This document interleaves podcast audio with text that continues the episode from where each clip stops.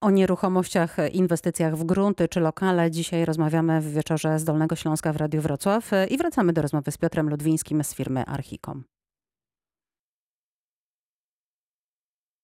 Proszę powiedzieć, jak deweloperzy zapatrują się na propozycje dotyczące mieszkalnictwa, które znalazły się w projekcie e, Polski Ład. Jedną z tych propozycji jest budowa domu do 70 metrów e, kwadratowych bez pozwolenia na e, budowę. Czy dla takich deweloperów, jakiego pan reprezentuje, to jest rzeczywiście ułatwienie i czy podejmiecie się no. takich właśnie budów i czy w związku z tym ceny będą atrakcyjniejsze, będą niższe dla klientów? W kontekście Nowego Ładu czy Polskiego Ładu, bo tak, bo tak przyjęło się rozmawiać, kluczowymi wydają się pozostałe pomysły, e, choć nieuregulowane jeszcze ustawami.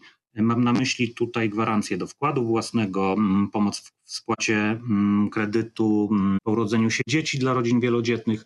To są elementy, które wydają się w kontekście specyfiki działalności firm deweloperskich bardziej kluczowe niż zmiana, która dotyczy mm, zmiany powierzchni z 35 na 70 metrów, jeżeli chodzi o uniknięcie pozwolenia na budowę czy obowiązku prowadzenia kierownika budowy mm, i tak dalej. Więc to, to, to chyba są bardziej istotne i kluczowe elementy, które mogą wpłynąć na, na rynek deweloperski i na sposób działalności deweloperów. Wydaje się, że mm, to przesunięcie powierzchni, zwiększenie powierzchni, gdzie ten dom możemy zrealizować bez pozwolenia na budowę, on bardziej zdynamizuje rynek inwestorów indywidualnych. A proszę powiedzieć, e, zniesienie decyzji o warunkach zabudowy, gdyby pan mógł wytłumaczyć przeciętnemu e, Kowalskiemu, czym są warunki zabudowy i czy rzeczywiście decyzja o ich e, zniesieniu będzie dużym ułatwieniem dla deweloperów, czy też dla indywidualnych inwestorów? Odpowiadając na pani pytanie, warto byłoby wrócić do początku naszej rozmowy.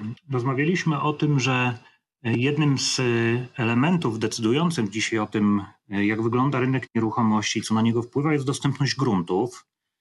Wskazywaliśmy na tą malejącą podaż na głównych, na głównych rynkach, na głównych aglomeracjach. Samo w sobie, pomijając to, że oczywiście decyzja o warunkach zabudowy ona nie jest idealna i nie, nie funkcjonuje idealnie, to samo w sobie wycięcie tej decyzji, zlikwidowanie jej no spowoduje ograniczenie, kolejne ograniczenia w dostępności gruntów. Mm, dzisiaj mniej więcej, a nawet ponad, e, ponad 50% gruntów, e, na których są realizowane przedsięwzięcia deweloperskie przez firmy deweloperskie, przez Archicom czy, czy cały rynek, mm, to są grunty, które są objęte tą decyzją. Więc pamiętajmy o tym, że, że wycięcie tej decyzji no, wpłynie znacząco na ograniczenie samo w sobie na ograniczenie dostępności e, podaży. To na koniec zapytam Pana e, jeszcze, czy ten moment, e, ten drugi rok pandemii, to jest czas, kiedy jeszcze Polacy mogą lokować pieniądze w nieruchomościach, licząc na zysk, czy to już za późno? Chyba nigdy nie jest za późno, żeby lokować pieniądze w nieruchomościach. Trochę rozmawialiśmy na początku dzisiaj, na początku naszej rozmowy. Natomiast z jednej strony, jeżeli mm, do, z drugiej strony, jeżeli do tego dołożymy takie czynniki jak dostępność e, kredytów hipotecznych, które dzisiaj są, e, które dzisiaj są najtańsze w historii. Jak popatrzymy na, e, na wszystkie inne dane makro, to nie wydaje się dzisiaj i nie ma jakichś czynników, które miałyby spowodować odwrócenie inwestorów od, od inwestowania w nieruchomości. Piotr Ludwiński był moim i Państwa gościem. Dziękuję Panu bardzo za rozmowę. Dziękuję bardzo. Za kilka minut kolejny gość wieczoru z Dolnego Śląska, Mariusz Kurzac, dyrektor zarządzający Cenatorium, który m.in. analizuje dynamikę i ceny nieruchomości.